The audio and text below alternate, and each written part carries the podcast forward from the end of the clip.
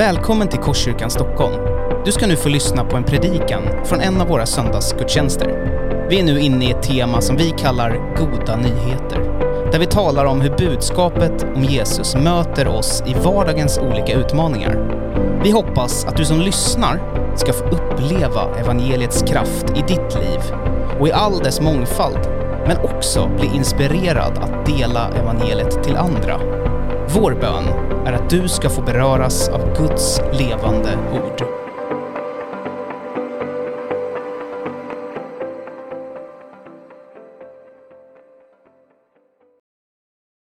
Eh, en av gudstjänstbesökarna kom till, vi småpratade lite innan här och så berättade han att hans pappa hade, skulle predika en gång och eh, hade inget att säga. Så han gick fram och sa det, att jag har inget att säga. Eh, och så förslag att jag skulle göra det, men det är inte mitt problem idag. Jag har väldigt mycket som jag vill säga, för det finns väldigt mycket att säga om det här om hopp för, hopp för framtiden. Jag vill börja hos mig själv. För det här berör alla personligen tror jag. Alltså för, för vi tänker alla på framtiden. N- när jag var barn så plågades jag av tankarna på framtiden. Eh, jag är född 68, växte upp på 70-talet, kalla kriget, Eh, kärnvapenrustning, eh, atomkraft, nej tack var det människor som hade små knappar på, på jackan. Och den här rädslan för kärnvapenkrig var högst påtaglig hos mig. Eh, så att jag var väldigt rädd för det. Jag hade ångest för framtiden och hade svårt att sova på kvällarna när jag var där i 9-10 års åldern. Sen fanns det också en, en rädsla att bli lämnad kvar, left behind, för det var ju liksom där att Jesus skulle komma tillbaks snart. Och jag visste inte om jag skulle få följa med, så att liksom jag ja, var orolig för det här, för jag hade hört om vedermödan också som man skulle leva i om man inte fick följa med. Så det var mycket rädsla i mig. Och sen fanns det en rädsla i mig också om att inte få leva. Alltså, det var inte, jag, jag tror inte att jag var rädd för att dö, men jag var rädd för att inte få leva. För jag ville verkligen få leva.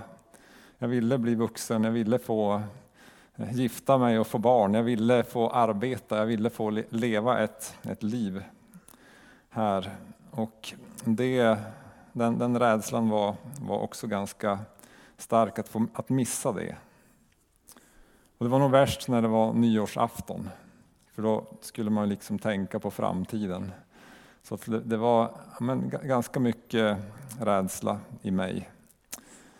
Jag tror att ni känner igen er i några av de här sakerna. Idag, om man är ung idag så är det ju fortfarande rädsla för krig och kärnvapen. Det ligger nära till hands. Rädslan att inte få leva förstås. Men också klimathotet, miljön, som är en stor rädsla för många unga idag.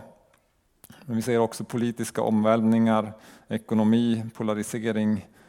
Ska demokratin överleva de närmaste åren i världen? Kommer samhället att se ut som, vi, som det har gjort och som vi trivs med? Det är liksom de stora existentiella rädslorna. Sen så kommer de som kommer närmare oss själva. Rädslan att kanske bli utstött ur sitt sammanhang för att man är kristen. Rädslan att bli ensam. Rädslan att aldrig bli fri från sin sjukdom.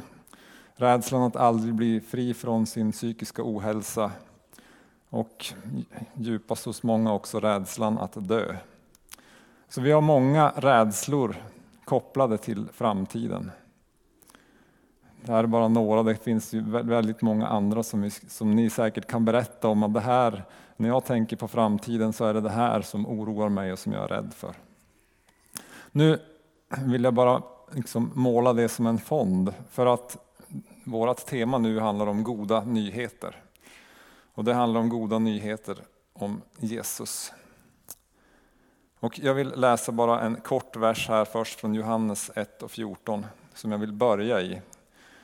Men åt alla som tog emot honom gav han rätten att bli Guds barn, åt dem som tror på hans namn. Åt dem som tror på hans namn. Och vi, ska, vi ska tala om hopp om framtiden här idag, men jag vill börja med tron, för, för tron på Gud är ändå grunden för hoppet. Det är min egen upplevelse när jag var tio år när jag fick eh, ta emot Jesus. När jag fick tala ut knäböjd vid sängen med min pappa. Jesus, jag tror på dig, kom in i mitt liv, bli min Herre. Jag vill leva för dig, leva med dig.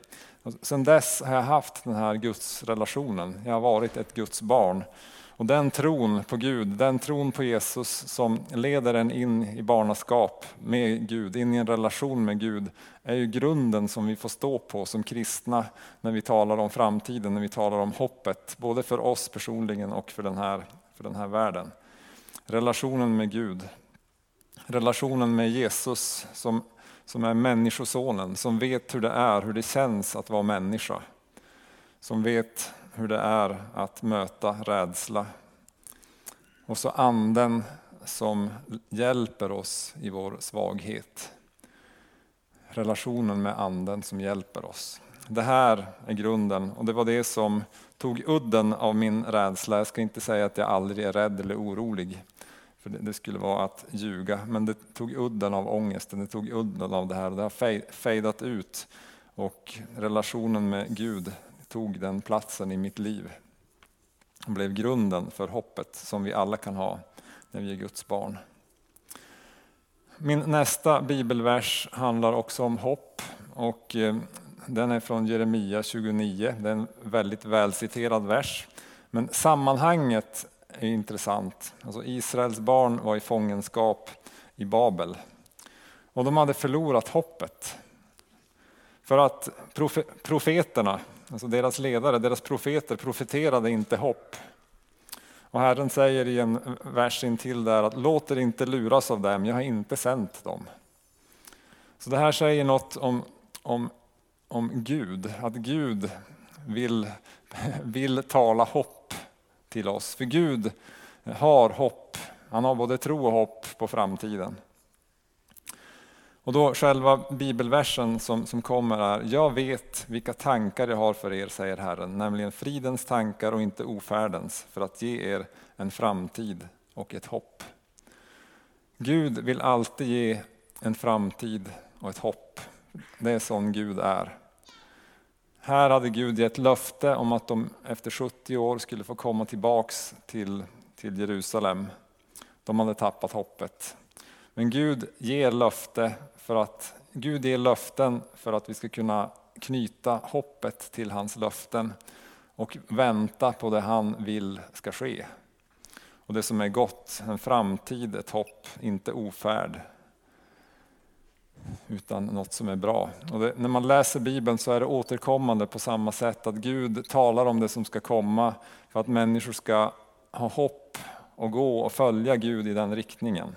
Det är så Gud jobbar med hopp. För hoppet tar framtiden in i nuet på ett intressant sätt. Hoppet gör att vi eh, kan se en, framtid framför oss, en bra framtid framför oss och ta in det i nuet så att vi kan börja agera just nu utifrån det vi hoppas på. Så vi kan hoppas på en, en Eh, jag kan hoppas på en varm och härlig sommar, så mycket så att vi liksom bokar en stuga vid havet. Nu, i februari. Alltså just nu är det inte så mycket att eh, hoppas på eh, vädermässigt. Ja, det kan kanske gillas snålblåst och, och så. Åka skridskor kan man kanske göra. Men om man vill sola och bada så är det sommar och då kan vi agera nu utifrån ett hopp som vi har inför framtiden. Min, när jag går in i min eh, tredje punkt här då, tredje bibelord alldeles strax, så vill jag tala om alltså, de goda nyheterna för framtiden. Jag vill börja i den, i den större skalan, alltså eh, goda nyheter, hopp för, för planeten. Alltså vi, vi lever med reella hot om, om krig, kärnvapen, Eh, klimathot utan att gå in på detaljer i det. Många liksom tänker, finns det ingen framtid? Eller finns det en framtid? Det kanske inte finns någon framtid. Men vad säger Gud om det? Och Bibeln säger ju en, en hel del om framtiden. Men jag skulle ändå vilja säga, och nu ska jag ge en liten nidbild, alltså den, i, i den kristna populärkulturen och kanske den sekulära populärkulturen i Sverige och andra kristna länder har på något vis målat en, en nidbild av, av den, det kristna hoppet. Alltså man tänker sig att himlen är en plats dit man kommer där man ska sitta på små moln som gulliga änglar och spela harpa. Så, ni, känner igen den, ni känner igen den bilden. Eh, I, ett, i, I det lite mer kristna sammanhanget så sjunger vi om att vi har hört om en stad ovan molnen. Alltså det är något som är långt bort som känns ganska orealistiskt och flyktigt och vi vet knappt om vi eh, jag vet knappt om jag, om jag längtar dit. Liksom. Jag ska snart förklara vad jag, vad jag menar. Och så tänker vi, vi har hört också andra sånger, vi som är i min generation har sjungit eh, Himmel och jord må brinna, höjder och berg försvinna. Men den som tror ska finna att löftena de står kvar. Och så tänker man alltså att ja, men det här kommer ändå brinna upp. Den här världen kommer ändå försvinna. Så att det spelar liksom ingen roll. Och så har vi hoppet någonstans långt bort i något o, o, eh, på något oformligt rosa gulligt moln. Så här. Men den, den bild som Bibeln målar upp är, är mera konkret och, och tydligare. Jag vill tala om det och vill då läsa från Uppenbarelseboken 21, vers 1-5.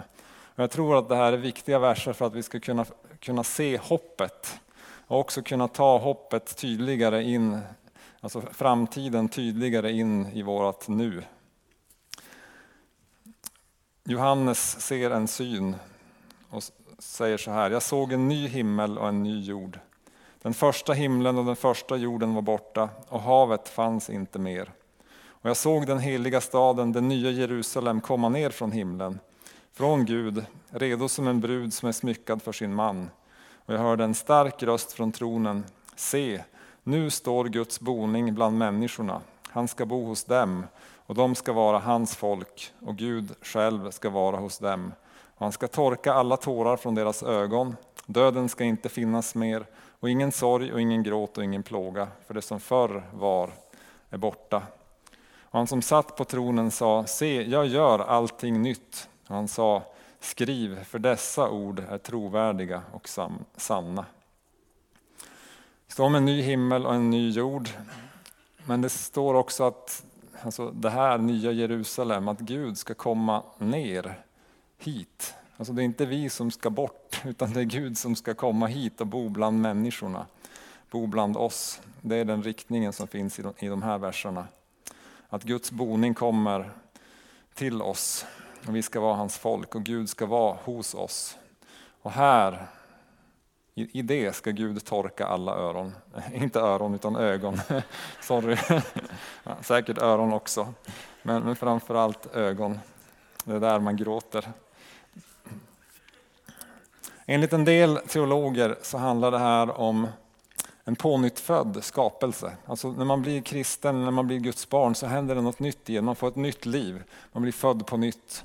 Man tänker att det Gud kommer att göra med hela skapelsen är Alltså planeten är en, en pånyttfödelse när Jesus kommer tillbaks, när det här händer. När den, den här, de här skiljeväggarna mellan det som nu är den himmelska världen och den fysiska världen eh, suddas ut och Gud framträder och Guds rike framträder i sin fullhet. Där allt det här fantastiska händer som, som de här verserna beskriver. Ingen sorg, ingen gråt, ingen plåga. Det här är det eviga hoppet. Att, vi ska få, att, att, att Gud ska bo hos oss och vi får ha eh, konstant och totalt tillträde till Gud hela tiden.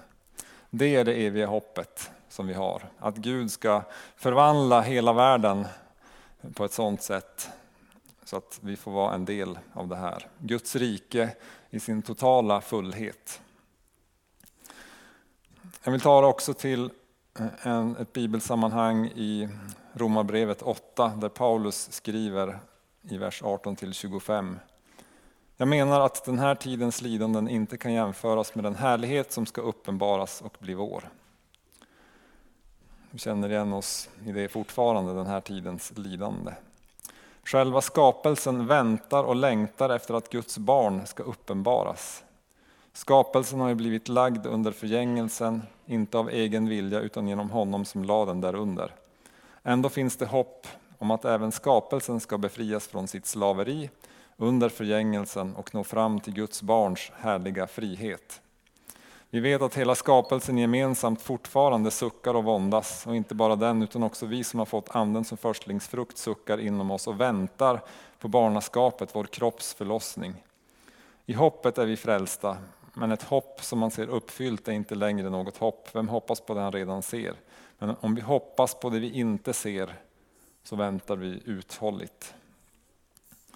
Så det här beskriver det vi är i nu. Där Guds rike har börjat komma och framträda och är närvarande men inte i sin fullhet som i den tidigare versen. Så vi som tror på Jesus, vi som är Guds barn, vi är födda på nytt men inte skapelsen i sin helhet. Stora delar av skapelsen, människor, djur och natur ligger fortfarande under förgängelsen om vi använder Paulus ord, under ondskans inflytande.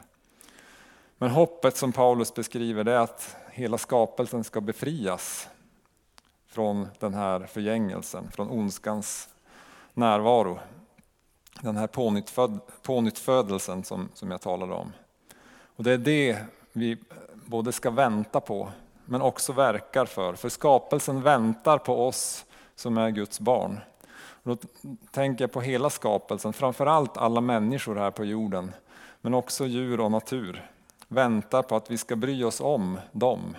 Skapelsen väntar på Guds barn. Man vet, den vet kanske inte om det och kanske inte kan uttrycka det, men Paulus beskriver det på det sättet att det Gud har skapat som är under förgängelsen behöver oss som är Guds barn, behöver församlingen, behöver människor som, som tror på Gud, som bär med sig Guds närvaro, som kan komma med helande, som kan betjäna med frihet, som kan betjäna människor med, med kärlek och ge, ett liksom, positivt avtryck på den här planeten. För Gud är livets källa. Det är inte Gud som är förgängelsens källa. Det är, det är något ont. Gud är livets källa. Gud vill liv. Och Gud som har gett oss liv, pånyttfött liv som Guds barn, vill att det livet ska få flöda ut eh, både i oss och genom oss och ut in i våran vardag, in i den här världen. Genom vårt missionsarbete, genom det vi gör i, i våran vardag när vi ber för människor, när vi ber för situationer, när vi välsignar vårt grönsaksland eller blommorna i fönstret. Hela skapelsen väntar på att Guds barn ska framträda. Jag var i Afrika i november i Centralafrikanska republiken och det blir väldigt tydligt att det här att vara en, en kristen rörelse i en otroligt utmanande situation är något viktigt. För helt plötsligt så, ja men så, så, behöver man stå upp för människovärde där det saknas. Man får stå upp för att folk ska få sjukvård där det saknas. Man får stå upp för att hjälpa människor att odla sina, på, på sina odlingar istället för att dra iväg för, för snabba vinster på no, i någon guldgruva. För att när man gör det så, så får barnen ingen mat där hemma. Eh, allt det här liksom som, som, som är viktigt för oss som känns som vi i ett eh, kristet land, i alla fall ett land med kristna traditioner, har byggt in i systemet. Får, får kyrkan stå för och kämpa för och be för och undervisa om konkret i vardagen. Jag tänker, det, det, det är den bilden vi behöver ha med oss, att vi som Guds folk kan förmedla hopp. Vi, kan förmedla, vi förmedlar hopp genom att vi kan göra skillnad för människor med Guds hjälp med Guds kraft, med Guds handlande. Så det finns hopp för planeten, det finns hopp för skapelsen. Genom oss, genom Guds folk, genom Guds handlande i historien. Men framförallt i den här predikan så finns det hopp för dig personligen, för ditt liv. Som Guds barn så har du en del i allt det här. Att det är din framtid i evigheten som det handlar om. Jesus säger, så älskade Gud världen att han utgav sin enfödde son för att var och en som tror på honom inte ska gå förlorad utan ha evigt liv.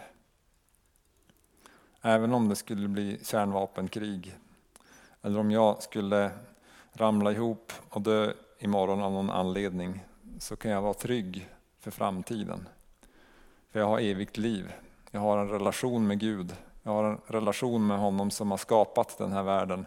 Jag har en relation med honom som ska komma och bo hos människorna. Jag har en relation med honom som ska uppväcka alla som tror på honom från de döda för att få leva med honom i evighet. Det, det hoppet har jag. Och det bygger på den tro jag har på vad Jesus har gjort för mig på korset. Och det här kan också du få ha. I Matteus 24 och 14 så står det, och nu närmar jag mig avslutningen på predikan. Detta evangelium om riket, alltså de goda nyheterna om riket, de goda nyheterna om Jesus ska förkunnas i hela världen till ett vittnesbörd för alla folk. Sedan ska slutet komma. Gud vill att alla ska få höra de här nyheterna. Gud vill att alla ska kunna få ha ett hopp om framtiden. Att alla ska få ha ett hopp eh, om evigt liv, att alla ska kunna få ha ett hopp om att få vara med eh, när, när Gud kommer och tar sin plats och bor, bor bland människorna. Vi hade församlingsforum i onsdags och talade om mission och då påmindes jag om det här att evangeliet om riket behöver, behöver predikas i hela världen för alla folk. Det finns liksom ett framtidsperspektiv i det. Sedan ska slutet komma. Alltså vi får vara med och se till att Jesus kommer tillbaks med det här fantastiska, härliga som vi tror på, som Bibeln, Bibeln beskriver. Men vi får också i nuet, som församling och som Guds barn, vara ett profetiskt tecken. Så när vi ber för sjuka, när vi har själ, själavårdssamtal och hjälper människor att bli fria från depressioner och annat. När vi gör saker för att människor ska få drägligare liv här på planeten så är det inte bara utifrån mänsklig godhet. Utan det är för att vi tror på att Gud både kan och vill förvandla situationer. Det är tron eh, att vi får vara ett profetiskt tecken på att riket kommer med en bön, låt ditt rike komma. Det, det är där vi är och därför är det viktigt för oss att fortsätta göra det vi gör.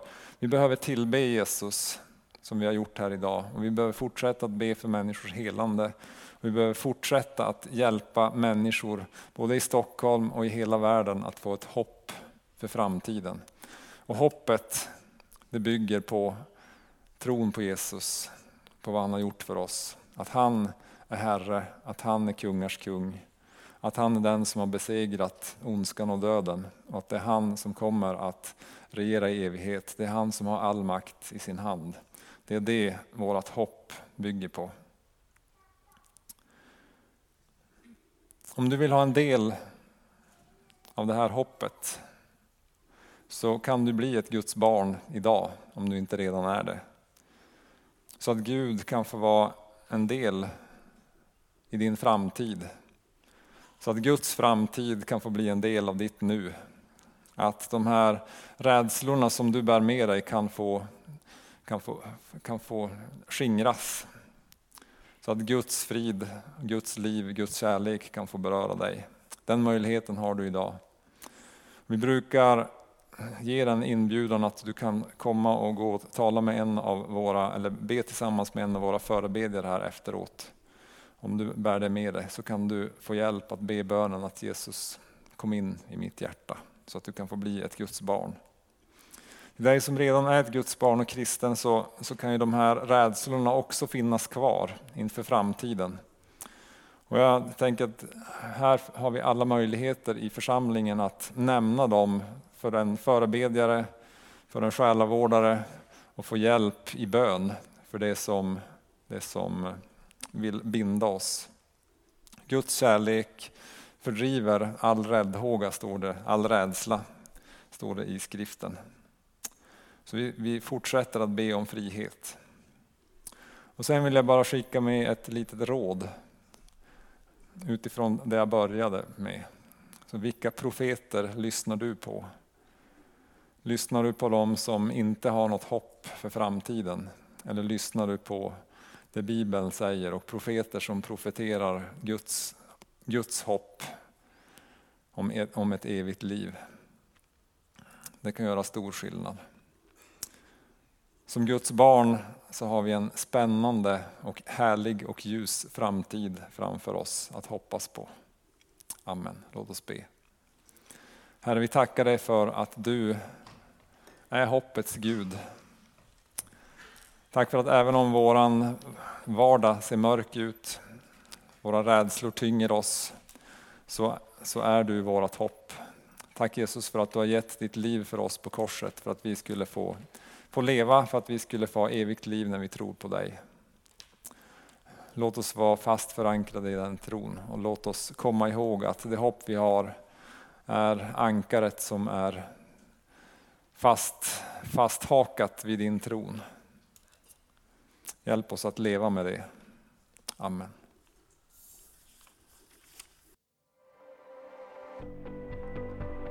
Du har nu lyssnat på en predikan från Korskyrkan Stockholm. Du är alltid välkommen att besöka våra gudstjänster. De är på söndagar klockan 11.00 på Birger i Stockholm. Om den här predikan har väckt frågor eller om du önskar att få kontakt med oss så hittar du våra uppgifter på korskyrkanstockholm.se. Där kan du också läsa mer om vår verksamhet. Gud välsigne dig.